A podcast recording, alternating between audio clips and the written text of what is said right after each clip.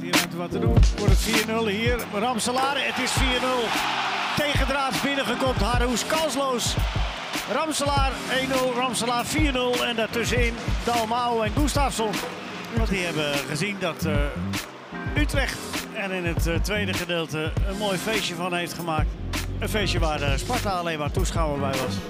Ja, het is wat. Aan doelpunten geen gebrek bij Utrecht tegen Sparta Rotterdam.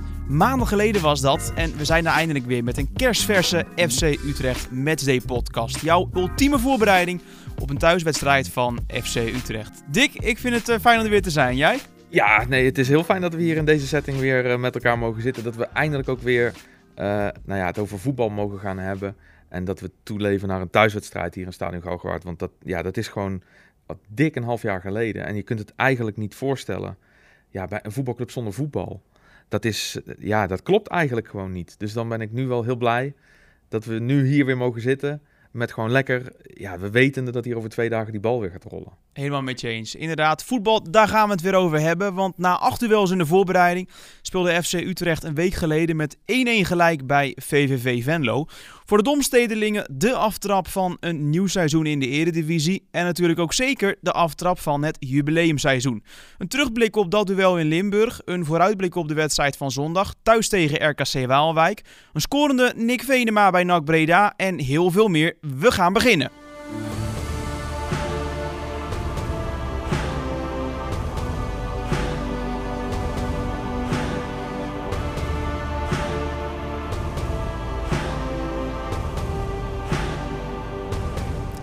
We starten natuurlijk met vrijdag 18 september, de dag waarop FC Utrecht het nieuwe seizoen begon met het uitduel bij VVV Venlo. En ja, die start had eigenlijk een week eerder tegen AZ moeten plaatsvinden, maar over dat punt gaan we het nu zeker niet meer hebben. Een duel in Limburg, Dak. Uh, Dick, hoe was die dag voor jou?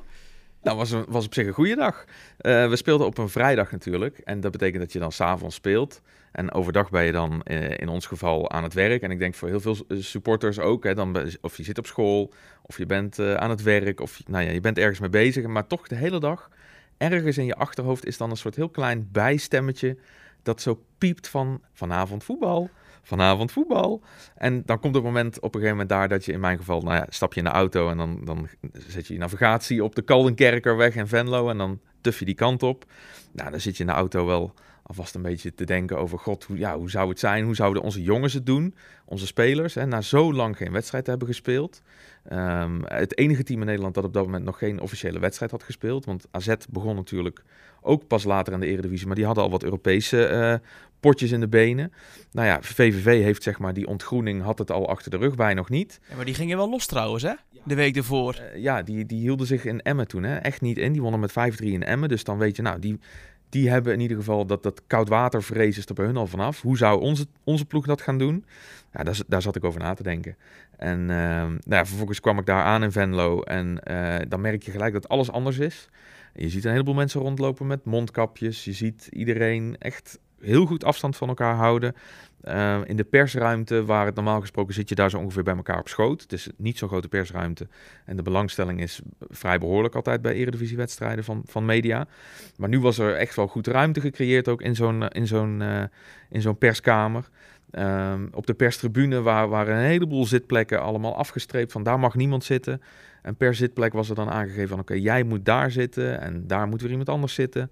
Zodat daar geen enkel misverstand over kan ontstaan. Er waren looproutes van hier mag je die kant op, daar moet je die kant op. En dan merk je wel van potverdorie, dit is, dit is allemaal anders.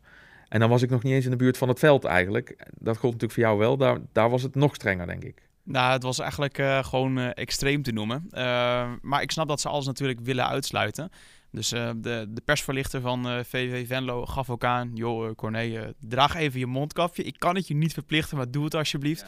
Dus dat hebben we dan maar gewoon gedaan. En je ziet inderdaad ook dat de, de, de cameracrew van Fox Sports... Ja, eigenlijk iedereen op de verslaggever op locatie na... heeft allemaal zo'n zo'n mondkapje op. Ja. Um, ja, en er stond natuurlijk wel behoorlijk wat, uh, hè, het was behoorlijk wat zon in Venlo. Het was echt niet cool of zo. Het, het is wel de cool, maar het was niet cool. Nee, het was niet cool. Uh, nee, dus dan, als je dan zo'n mondkapje nog op hebt, dan is dat wel um, ja, bijzonder warm. En ja, wat mij opviel is dat veel mensen ook uh, ja, niet goed weten wat nou eigenlijk het beleid is. Hè. Ze worden wel geïnstrueerd, ook de stewards bijvoorbeeld. En iedereen doet wel uh, verschrikkelijk... Hè, ja, zijn best of zo, ja. Best om, om het maximale uit te halen. Maar je ziet gewoon dat, dat de ene is nog net weer even iets voorzichtiger dan, dan de ander. In welke trappetje je wel of niet mag gebruiken. En waar je wel of niet even snel tussendoor mag lopen. Maar ja, ik, ik, ik heb vooral genoten dat het eindelijk weer over voetbal ging. Uh, en natuurlijk, Utrecht had gehoopt op drie punten. En zoals de luisteraar ook weet, dat werd er één. De eerste trap af voor de aftrap. Zo zit dat in Venlo. Wat heeft het lang geduurd voor Utrecht? 194 dagen. VVV, Huppers wijst weer en komt eraan. En het is 1-0 voor VVV in de achtste minuut. Goed gedraaid, Mahi, Kleiber, het is 1-1. Ja, een langlopende aanval van Utrecht. Keurig afgerond door uh, Shine Kleiber in de 58ste minuut zal Dieperink, denk ik, een en ander afsluiten. Ja, dat doet hij. Ja, en het is heerlijk dat het weer om de punten draait. Het werd er in dit geval één. Nou ja, die staat alvast op de teller. Op naar heel veel meer, wat mij betreft. Um, maar voordat we het daarover gaan hebben, over al die volgende wedstrijden, met name die van dit weekend, uh, toch nog eventjes terugblikken op de voorbereiding. Die is achter de rug nu, officieel allerlei vriendschappelijke wedstrijden gespeeld. Toch wel wat anders dan in andere jaren. Uh, waar je bijvoorbeeld een soort opbouw hebt van oké, we beginnen met wat wedstrijden tegen amateurteams. En dan tegen nog wat sterkere amateurteams. En dan tegen lagere divisie profclubs. En dan tegen hele goede profclubs. En dan begint de competitie. Nou, nu was dat wel anders. Nu was het eigenlijk alleen maar uh, proftegenstand al vanaf moment 1. En uh, nou, dat maakte het tot een, een intense, intensieve voorbereiding wat mij betreft. Hoe kijk jij daarop terug? Ja, ik vond het een, uh, wel een, volle voorbereiding op zich. Maar dat komt ook omdat wij vanuit de mediaafdeling er natuurlijk alles aan hebben gedaan om zowel het eerste elftal als uh, het jongteam van René Haken maximaal te coveren. Um, hè, helemaal nu er geen publiek bij uh, wedstrijden aanwezig is geweest uh, of kon zijn, ja. wilden wij natuurlijk laten zien wat, hè, wat we voor die supporters kunnen betekenen. Ja, daar zijn we echt de oren en ogen van de supporters eigenlijk, toch? Ja. Dat heb jij natuurlijk textueel gedaan in bijvoorbeeld verslagen en ook zeker met live verslagen zo nu en dan op, op, op Twitter. want ja, ik heb even gekeken, maar volgens mij de enige duels waarbij het publiek toegestaan was. En we hebben er volgens mij rond de 25 gecoverd ja. in de voorbereiding, om en nabij. Dat was alleen maar thuiswedstrijd tegen uh, Heerenveen in de comeback. Het was het uitduel, uh, ook, ook die comeback bij Ajax. En volgens mij was het het duel van Jong FC Utrecht uh, tegen uh, Tactiel. Dat er met grofweg 250 supporters werd getest. Ja, en dan hebben we hier nog tegen AZ gespeeld, ook in het kader van die comeback. Daar was ook inderdaad publiek bij welkom. Nee, daar was geen publiek bij welkom trouwens. Nee, maar dat was wel live inderdaad. Zo was het, ja. ja. Dus het waren echt maar een paar wedstrijden. Ja, en, en dan, dan, dan voel je eigenlijk van, oh, dan is, dan is onze, uh, hoe zeg je dat? Wij, onze ogen, die zijn dan, die zijn dan wel heel belangrijk voor, voor de achterban. Ja. Dus daar heb, ik, daar heb ik best wel van genoten. Ik weet niet hoe dat bij jou zit, maar ik, ik voelde die verantwoordelijkheid nog iets meer. Ja, nee, maar dat is hartstikke leuk. Want normaal gesproken hebben mensen best wel veel verschillende bronnen tot hun beschikking om bijvoorbeeld een wedstrijd te bekijken. Dan kun je eraan denken van, oké, ik kom naar het stadion. Of als ik dat niet doe, dan zet ik de tv op Fox Sports. En als ik daar geen abonnement op heb of ik heb daar geen tijd voor, dan kijk ik de samenvattingen nog wel op uh, Studio Sport. Uh, om maar allemaal voorbeelden te noemen. Nou, die, ja, dat was eigenlijk bij al die vriendschappelijke wedstrijden niet van toepassing. Dat kon gewoon allemaal niet. Um, en, ja, en dan is het aan ons eigenlijk de taak om die handschoenen op te pakken en om te zeggen, nou, maar dan gaan we er alles aan doen om met mooie foto's, met uh, leuke tekstverslagen, met goede samenvattingen, met leuke inhoudelijke reacties van hoofdrolspelers zoals trainercoaches en, en voetballers. Ja, om toch iedereen mee te nemen in die voorbereiding eigenlijk en om samen toe te werken naar die start van het nieuwe seizoen. En ja, ik vind het eigenlijk juist extra eervol, zou ik bijna willen zeggen. Extra leuk. Ja, wat mij wel opviel in uh, veel wedstrijden, hè, want soms dan vragen supporters wel eens aan mij, en misschien krijg jij die vraag ook wel van, goh, we hebben 3-3 gespeeld bijvoorbeeld tegen het Genk van Cyril Dessers. Betekent dat dat wij nu net zo goed zijn als een, uh, hè, een ploeg die vorig jaar in de groepsfase van de Champions League speelde? Ja. Um, ik vind dat nogal uh, betrekkelijk, want ik denk zo'n voorbereiding, ik ben natuurlijk geen trainer, maar elk team speelt met bijvoorbeeld bepaalde personen die ze op een positie willen zien spelen. Misschien niet de beoogde basis zelf nog. Uh, je oefent met een bepaalde manier van spelen. Hoe hoog wil je druk zetten? Stel je je actief op of een beetje passief? Dat verschilt allemaal zo. Dus ik denk dat uh, de acht duels die Utrecht heeft gespeeld en dat we aan de uitslagen uh, niet al te veel conclusies moeten verbinden, maar dat het wel leuk is uh, dat tot dusver, um, laat ik het maar even noemen, de, de keyspelers van FC Utrecht, dat, weet, dat weten de jongens zelf ook, want dat weten de supporters ook wel die zijn tot nu toe gebleven. En ehm, volgens mij een vijftal jongens is, is, de selectie komen versterken. Django Warmerdam, Justin Hoogma, Daniel Arzani, Mimoun Mahi, Alger Elia en Moussa Silla. Dat zijn de mannen die hierbij zijn gekomen. En dat is ook wel leuk, Dick. Ik weet niet hoe jij daarnaar kijkt. Maar uh, jong talent dat de kans heeft gekregen, waaronder uh, Tommy Santiago. Dus nu ook al in de voorbereiding veel wedstrijden mogen spelen. Dus ik, heb er al wat aan, uh, aan kunnen proeven. En ehm, ja, ik heb ook die mogelijkheid kunnen krijgen. En ja, het is aan mij om dat gewoon elke keer weer gewoon te laten zien. En ik heb wel het gevoel dat ik er klaar voor ben. en nu is het nog het laten zien. Denk jij dat je na 28 duels keukenkampioen-divisie, debuut in de eredivisie, uh, je hebt in de KNVB-beker gespeeld, dat jij nu echt klaar bent voor een serieuze kans uh, in de hoofdmacht? Ik denk dat ik er klaar voor ben nu uh, voor in de hoofdmacht inderdaad. Ja goed, dat was dus Tommy Santiago over hoe hij terugblikt op zijn voorbereiding. Nou, wat, wat ik in ieder geval altijd heel leuk vind aan zo'n voorbereidingsperiode is dat dus inderdaad er, er zijn altijd wel weer wat spelers en uh, die drukken dan even hun neus tegen het venster, zoals dat dan eigenlijk heet. Uh, iemand die dat ook absoluut heeft gedaan is Davy van den Berg. Uh, die was met name in een aantal wedstrijden hier in Stadion Galgenwaard, die op Fox Sports ook werden uitgezonden. Nou, was die echt, denk ik dat ik ook wel mag zeggen, on fire. Hij strooide met geweldige passen, speelde gewoon echt heel erg goed.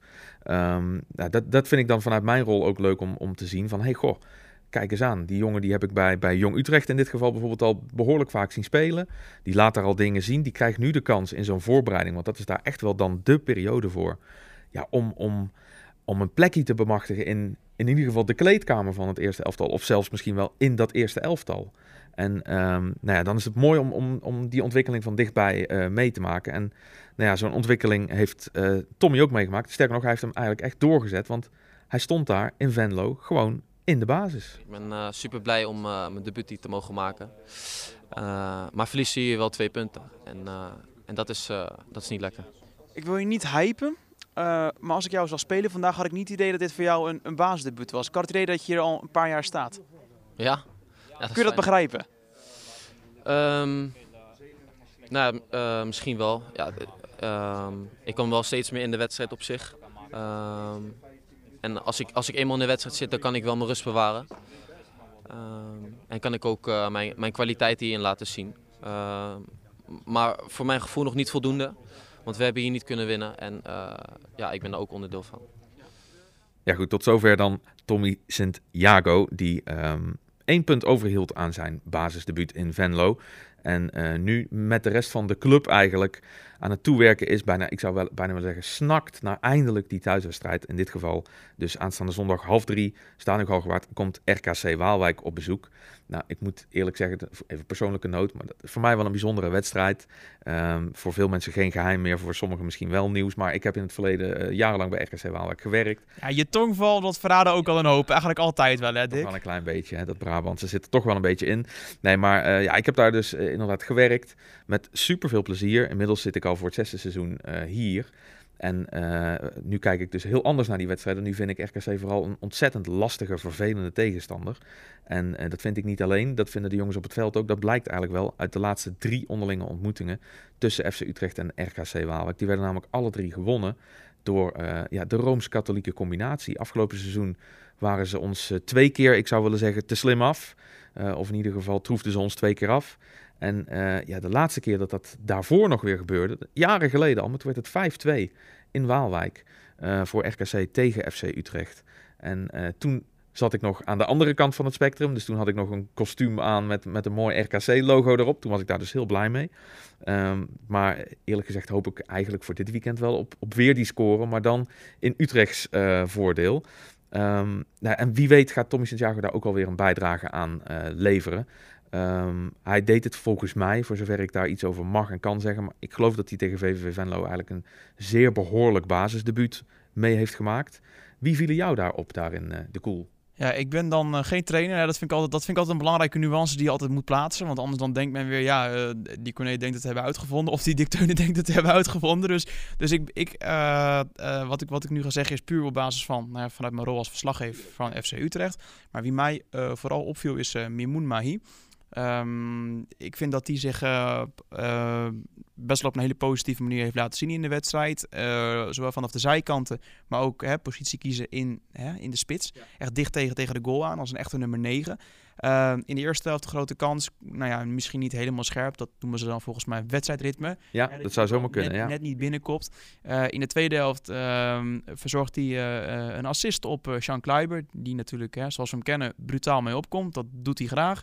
Uh, ja, en daarna weer een dot van een kans voor uh, Mahi. Ditmaal een kopbal bij de tweede paal. Uh, goede redding van een keeper. Maar ik vond hem echt heel, heel leuk spelen. Mooi om te zien. En wie daarnaast opviel voor mij is Daniel Arzani. Die kwam in het veld voor Girano Kerk. Deed de laatste grofweg 20 minuten mee. En die heeft toch wel iets frivols of zo in zijn spel. Gewoon um, heel ja, lichtvoetig of zo. Hoe, hoe hij overal doorheen probeert te dribbelen. Ja, en hij bracht veel energie ook, vond ik. Ja. Ja, vond ik wel. En ik, ik denk dat dat zo'n jongen is die, uh, die wel hele mooie dingen kan laten zien. Maar nogmaals, puur beredeneerd als verslaggever en op basis van mijn eigen voetbalintuïtie. Um, uh, en eigenlijk vind ik, vind ik het wel mooi, want toen ik hem in het veld zag komen, moest ik weer een heel klein beetje denken aan een paar weken geleden. Toen ik hier in Stadion Galgenwaard in een skybox uh, hem voor het eerst ontmoette. Een jongen uit Australië, die, um, zoals inmiddels wel een soort van algemeen bekend is, ervaring heeft hè, op een World Cup. Dat is uh, ook niet uh, het minste toernooi om op uit te mogen komen uh, voor je land. En ja, als je dan met zo'n jongen zit, dan praat je natuurlijk ook over zijn verwachtingen en over zijn eerste gevoel bij Utrecht. En eigenlijk vond ik dat dat wel, dat dat wel mooi klonk. En dat het wel aansloot bij dat wat we uiteindelijk in dat enthousiasme zagen op het veld in Venlo. Like I said, the, the, the players here are very good quality. And um, you know, there's different players that are particularly good at different things. You know, like Girano is unbelievable fast. And Sean is a really good leader on the field and he's also physically very good and it's, he's a good person to have on your team all the time because he pushes everyone around you. And there's a lot of different players with different qualities on the field, but I'm impressed with the, the talent here so far. Yeah, and I can imagine you also talked with uh, like uh, Jordi Zuidam, uh, the technical director, uh, John van der Brom, the head coach. What were his words about you and uh, the way he wanna put you in the team? Yeah, like uh, similar to what I said, you know, uh, looking to bring me in, bring me in in an attacking capacity to uh, bolster the the attacking strength of the team, try and get goals, try and get assists, and help the team win more games. Hopefully. So far, the way the team's playing and the the formation, the formati, everything's good. Ja, goed, dat was uh, Daniel Arzani. Um, een quote uit een interview dat hij met jou had uh, op de dag dat hij hier gepresenteerd uh, werd. Nou, inmiddels heeft hij zichzelf ook op het veld gepresenteerd, zo gezegd. Um, en een paar dagen na die wedstrijd waarin hij zijn eerste speelminuten maakte voor FC Utrecht, nam Jong FC Utrecht het hier op sportcomplex Zoudenbalg op tegen titelkandidaat NAC Breda. Jij hebt Jong FC Utrecht niet alleen eigenlijk tijdens de voorbereiding, dus in de oefenwedstrijden, van behoorlijk dichtbij gevolgd, maar ook al wat competitiewedstrijden van ze gezien. Hoe is hun seizoensstart geweest? Ja, um, het, er werd eerst verloren. Hè, dat was op uh, Sportcomplex Zoudenbalg in het openingsduel van uh, de keukenkampioen-divisie. Uh, sowieso de opening van de keukenkampioen-divisie, want het was het eerste duel. nou, Eindhoven dus met 2-1 won op Sportcomplex Zoudenbalg. Daarna werd met 10 man, jawel, werd door Jong FC Utrecht gewonnen met 1-0 op bezoek bij FC Volendam. Vervolgens ging het onderuit bij Jong AZ. Nee, sterker nog, dat, dat was ook op Sportcomplex Zoudenbalg met 1-2. En afgelopen maandag dus thuis tegen NAC Breda. Leuk, Daniel Arzani en Tommy Santiago, die zaten op de tribune. Even als Kees Jansma en uh, komt hij, uh, Pierre van Hooydonk. Kijk aan. Ook van de partij, die natuurlijk voor zijn zoon uh, Sydney op de tribune zat. Um, ja, en aan dat duel, wat mij daar een beetje opviel, hè, Jong Utrecht had heel veel de bal. Sterker nog, dat, dat heb ik even uitgezocht, dat was 65% om 35%. Paasnauwkeurigheid van Jong FC Utrecht was 85%, van NAC Breda 60%. Dus dat is nou, wel een beetje minder. Um, hoekschoppen en uh, schoten op goal was behoorlijk in balans, maar de uitslag niet, want het werd 0-2 uh, voor uh, NAC Breda. Een van de doelpuntenmakers, heb je het meegekregen, Dick? Ik heb het zeer zeker meegekregen. Het was eigenlijk onze eigen Venomenema, ja. Ja, Nick Venema die uh, in het veld kwam uh, voor uh, Lex Immers. Want die had in een duel met Giovanni Troupé, nou ja, volgens mij zijn voortanden verloren. Ik vond het super sneu. Nee, die had echt een, een behoorlijke, ja, een behoorlijke tik in zijn gezicht gekregen. En ja, dat volgens mij is dat nu allemaal weer goed gekomen. En is hij na een kort bezoek aan, aan de dokter ook weer op sportcomplex uh, Zoudenbal gekomen. Om uiteindelijk die wedstrijd nog zelfs uit te kijken. Oh, wow. Geloof het of niet. Maar Venema had ondertussen, toen hij in de kleedkamer zat, nou, aangelegd voor de, de, de voorsprong voor, voor NAC Breda. Ja. ja, en uiteindelijk werd het dus 0 tegen 2. Maar het zal toch een vreemd gevoel zijn geweest voor Nick Venema. Dat vroegen we hem ook na afloop. Want ja, scoren op zijn vertrouwde sportcomplex Zoudenbal in een shirt wat hij pas na een paar weken draagt. Dat van NAC Breda. Ja, dat is uh, ja, inderdaad wel een beetje gek, maar uh, ja, ik heb me er snel overheen gezet. Ja, dat, dat zagen we. Hè? De, de wijze waarop je scoort, dat is eigenlijk een manier waar, ja, waarop we dat in Jong Utrecht ook zagen. Ja, ik uh, had eigenlijk wel verwacht dat Fabian het zou weten, maar ik had hem nog gewaarschuwd van de week. Maar nee, ik ben er blij mee. Heb je nog contact met die jongens? Over en weer appjes of... Ja, zeker. Ik spreek de jongens regelmatig nog. En, dus ja, ik heb wel gewoon goed contact nog met ze. Hoe waren de duels met onder andere bijvoorbeeld Bamengi vandaag? Ja, zoals altijd met Chris. Chris die, uh, die gaat nergens voor aan de kant, dus uh, ik wist al wat er ging komen. Wanneer is het seizoen, denk je, voor jou geslaagd? Hè? We kunnen er nu naartoe kijken als we jou nou over 10 maanden opzoeken. En we concluderen dan, hé, hey, Venema naar Breda. Wanneer is het top geweest? Ja, sowieso als we gepromoveerd zijn. Dat, uh, ja, dat gaat bij ons nu wel echt gewoon een prioriteit worden. En uh, ja, als ik gewoon uh, zelf ook gewoon lekker een goed seizoen heb gedraaid, veel gespeeld heb, dan is mijn seizoen geslaagd. Van Jong FC Utrecht, dat mede dankzij de goal van Nick Venema met 0-2 verloor van NAC Breda, op naar RKC thuis. De FC Today, Dick, dat is uh, een van de dingen waar jij in aanloop naar het duel in Stadion Galgenwaard ongetwijfeld weer druk mee bent geweest. Wat staat er aankomende zondag zo al in? En ik kan me ook voorstellen dat, hè, gezien het aantal bezoekers wat maar in het stadion mag komen, dat er ook weer iets is veranderd in het aantal oplagers en dergelijke. Neem ons eens mee in die FC Today. Hoe die was hè, voor de corona break en hoe die nu is geworden. Qua inhoud en inderdaad die oplagen. Ja, nou ook voor wat betreft een programmaboekje geldt dat alles anders is. En dat je met allerlei dingen rekening moet houden waar je normaal gesproken geen rekening mee houdt. Is hij digitaal geworden? Nou, dat is hij ook inderdaad. Um, we hebben hier ook een, een, nou ja, ik noem het dan even een gelimiteerde uh, oplage gedrukt beschikbaar. Dus voor de mensen die hier in het stadion zijn, zijn er boekjes uh, beschikbaar. Normaal gesproken worden die dan bijvoorbeeld altijd, eh, die worden hier altijd netjes uitgedeeld door ons FC Today verspreidingsteam. Dat is een team dat bestaat uit nou echt toegewijde uh, fanatieke mensen die hier altijd uh, nou ja, door weer en wind sjouwen met die boekjes om iedereen zo'n boekje aan te bieden. Dat mag bijvoorbeeld nu niet, want dat is natuurlijk allemaal niet echt coronaproof. En je moet natuurlijk het contact met elkaar juist niet opzoeken. Um, dus de boekjes zullen er wel zijn, beperkte uh, oplagen. En je zult ze deze keer even zelf ergens vandaan moeten pakken, want ze, ze mogen niet aan je worden uitgedeeld. Dat is bijvoorbeeld één eh, iets wat er al is veranderd uh, met de FC Today. Uh, verder ziet het er allemaal helemaal anders uit. Dat geldt eigenlijk trouwens voor heel veel van de uitingen van onze club. Ook als je naar bijvoorbeeld de website van de club kijkt en alle sociale media kanalen, maar ook de video's. Daarin zie je waarschijnlijk als je dat allemaal uh, al een tijdje volgt, dat het er allemaal net even wat anders uitziet dan vorig jaar. Het logo van de club is zelfs uh, veranderd. Een jubileumlogo dragen we nu op, uh, op onze shirts, maar ook op al onze andere uitingen. Nou, die, die hele stijl is ook doorgevoerd in de FC Today, waarin ook weer een mooie poster staat bijvoorbeeld. over veranderingen gesproken van de gevel van het stadion. Voor iedereen die hier nog niet is geweest de afgelopen uh, coronaperiode, zou ik willen zeggen. Um, nou ja, mocht je toevallig een keer in de buurt zijn, rijd of fiets er even langs. Het is echt indrukwekkend. Het is een prachtige gevel geworden. Zo prachtig dat we de poster van het boekje eraan hebben gewijd. En in dat boekje staat verder uh, op de cover uh, Girano Kerk. Toch wel een van de mannen in vorm natuurlijk bij uh, FC Utrecht. Hij is degene die, die ook is geïnterviewd. Um, en verder gaan we onder meer terug naar 27 september 1980. 27 september 2020 gaan we dus voetballen tegen RKC. Precies 40 jaar daarvoor hebben we ook een wedstrijd gespeeld. En in het kader van het jubileum en terugblikken hebben we daar nog even wat oude zaken over opgeduikeld. Uh, verder kun je bijvoorbeeld lezen over de presentatie van Bijzonder FC Utrecht. Ook voor Bijzonder FC Utrecht begint het seizoen weer. Uh, Bijzonder FC Utrecht, voor de duidelijkheid, is een team, zeg maar een G-voetbalteam. En dat speelt in een bijzondere eredivisie tegen allerlei andere clubs die normaal gesproken ook in de eredivisie uitkomen. Uh, prachtig mooi initiatief. Tweede seizoen gaan zij nu tegemoet. En zo'n team geeft kids die daar normaal gesproken nooit voor een aanmerking zouden komen, toch de kans om ja, hun droom te verwezenlijken eigenlijk en FC Utrecht te mogen vertegenwoordigen op het voetbalveld. Dat levert echt altijd prachtige wedstrijddagen op en geweldige interacties. Dus dat is hartstikke mooi. Dat staat er dus bijvoorbeeld ook in.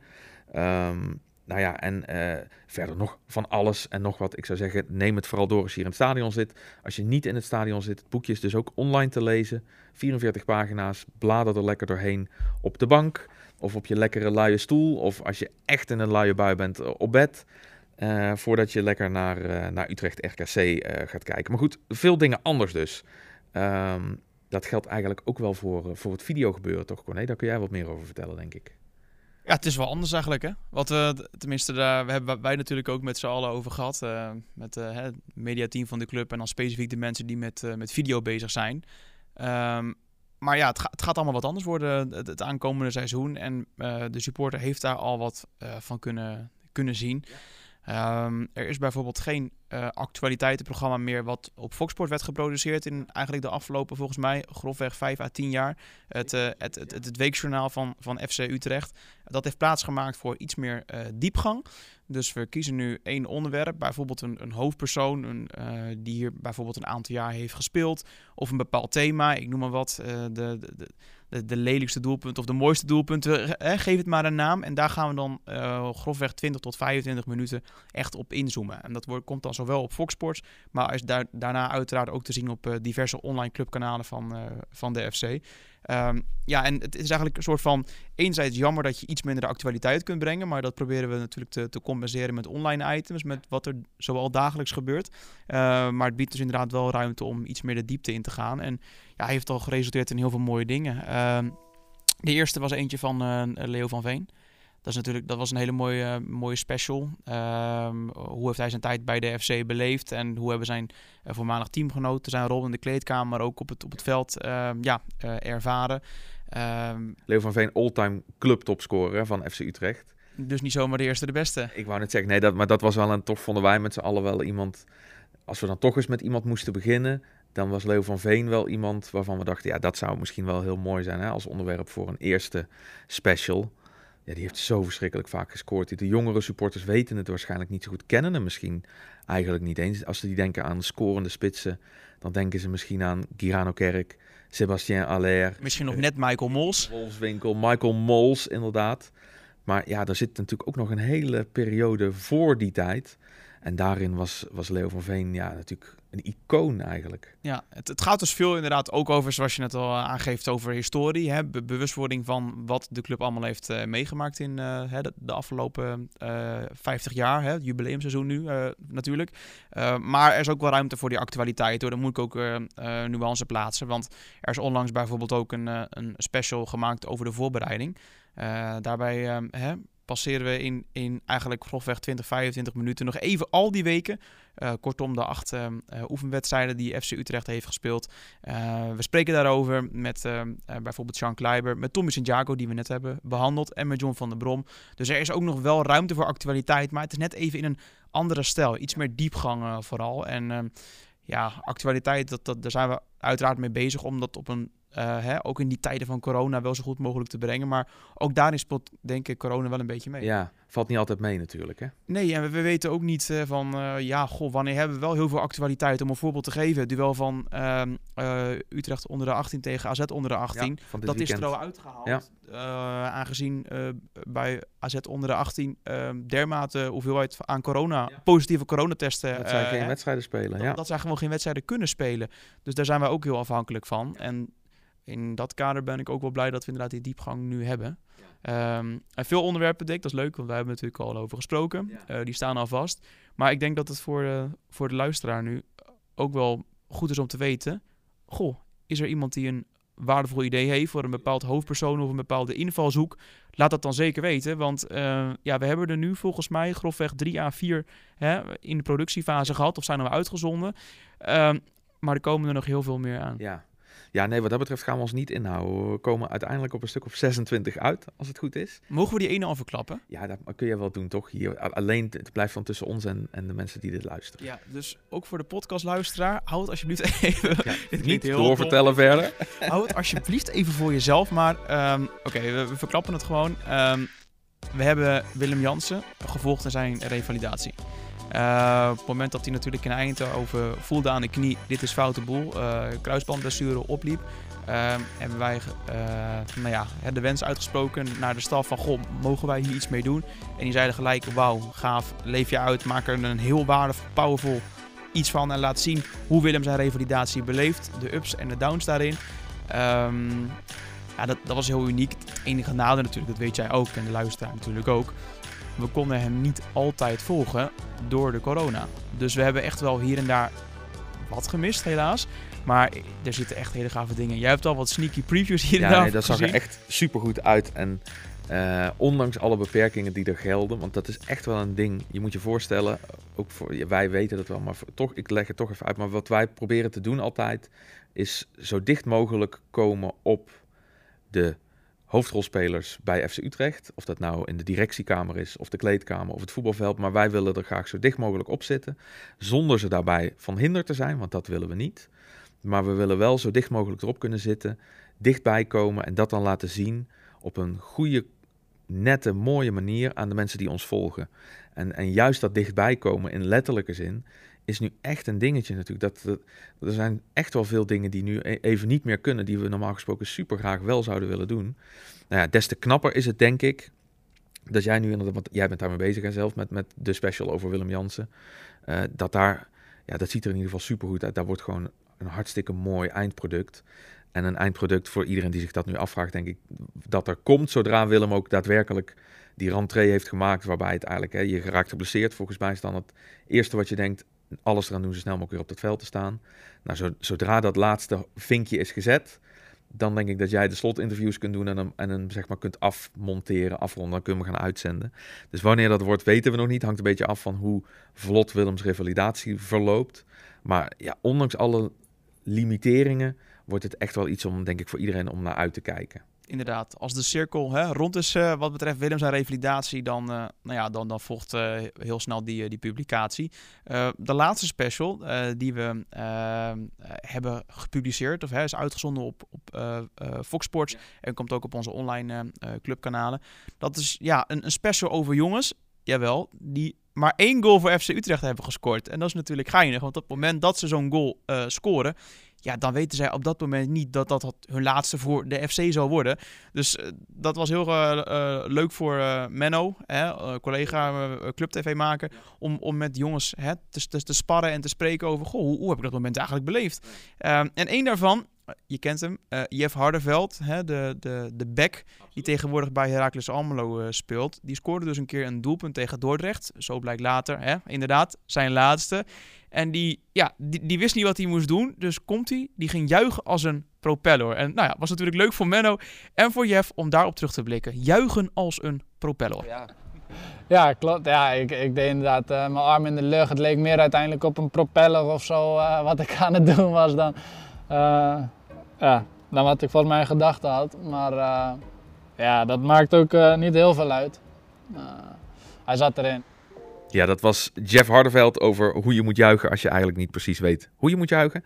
Um, heel leuk, mooie special. komen ook nog een aantal andere kleppers in aan het woord. Doe ik het even uit mijn hoofd nu maar. Uh, Rafael Uiterlo over die ene goal die hij maakte tegen PSV. Robert Wijnands over die ene goal die hij maakte tegen Willem II. Was het geloof ik, waarbij toen Roland Jansen, huidig visio van Jong FC Utrecht, stond daar toen in de goal in Tilburg zeiden ze altijd: het leven is mooi met Roland Jansen in de kooi. Um, Bas van der Brink tegen Herenveen. Bas van der Brink die kopte hem binnen tegen Herenveen. En uh, daar ging ook een heel bijzonder verhaal eigenlijk uh, aan vooraf. Dus heel leuk. Rodney Antwi, die ene goal in de Kuip, waarmee die ook nog eens. Dat was ook nog eens de winnende. Utrecht won daar van Feyenoord in 2014. En uh, Patrick van Diemen met een echt een loeier van een uh, knal. Patrick van Diemen trouwens ook oudspeler van RKC. Heeft nog een keer een prachtige goal namens RKC tegen Utrecht gescoord ook. Maar gelukkig ook één goal namens Utrecht tegen, ik geloof dat dat MVV was. Ik zag Sphinx op de shirtje staan, dacht ik, dat zal wel MVV zijn. Ja, en die vertelt ook volgens mij over zijn relatie met hè, een big one. Absoluut, ja, met Vlody Smolarek. En, en hij had daar een hele bijzondere band mee. En ik had het idee dat hij pas bij het zien van die beelden zich weer realiseerde van, wacht even, die bal kwam van Vlody. En dat maakt voor mij ook weer een bepaald cirkeltje rond. Dus dat was heel mooi. Ehm, de special is uh, vanaf uh, zondag, als ik het goed zeg. Maar houd het even in de gaten. Maar te zien ook op ons YouTube-kanaal. Dus uh, echt een aanrader. Um, nou ja, en voor, voor wat nu betreft is dit het voor deze podcast. Komende week gaan we er weer eentje opnemen, want dan spelen we weer een thuiswedstrijd tegen SC Heerenveen. En dan gaan we het nog eens even extra hebben over de jeugd bij FC Utrecht en de ontwikkelingen op dat vlak. En ook, ook al hebben we het al een beetje benoemd nu, maar we gaan er nog wat dieper op in, Jong FC Utrecht.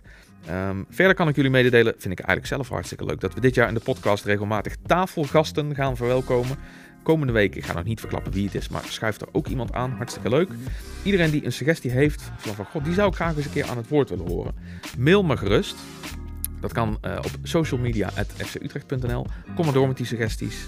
En uh, voor nu zeg ik alvast bedankt voor het luisteren. Maar Corné, je hebt nog een laatste belangrijke boodschap. Ja, de, de belangrijkste boodschap is natuurlijk... Hè? De, de, de vloggers zouden zeggen, geef even een blauw duimpje omhoog. Ja, like en subscribe. Nou, like, doe dat. En uh, subscribe misschien nog wel uh, belangrijker. Want dan krijg je automatisch een melding als wij weer een nieuwe episode, want zo heet de podcast, hebben geüpload. Dus doe dat zeker. En voor nu bedankt voor het luisteren naar deze Matchday podcast. En heel graag tot de volgende.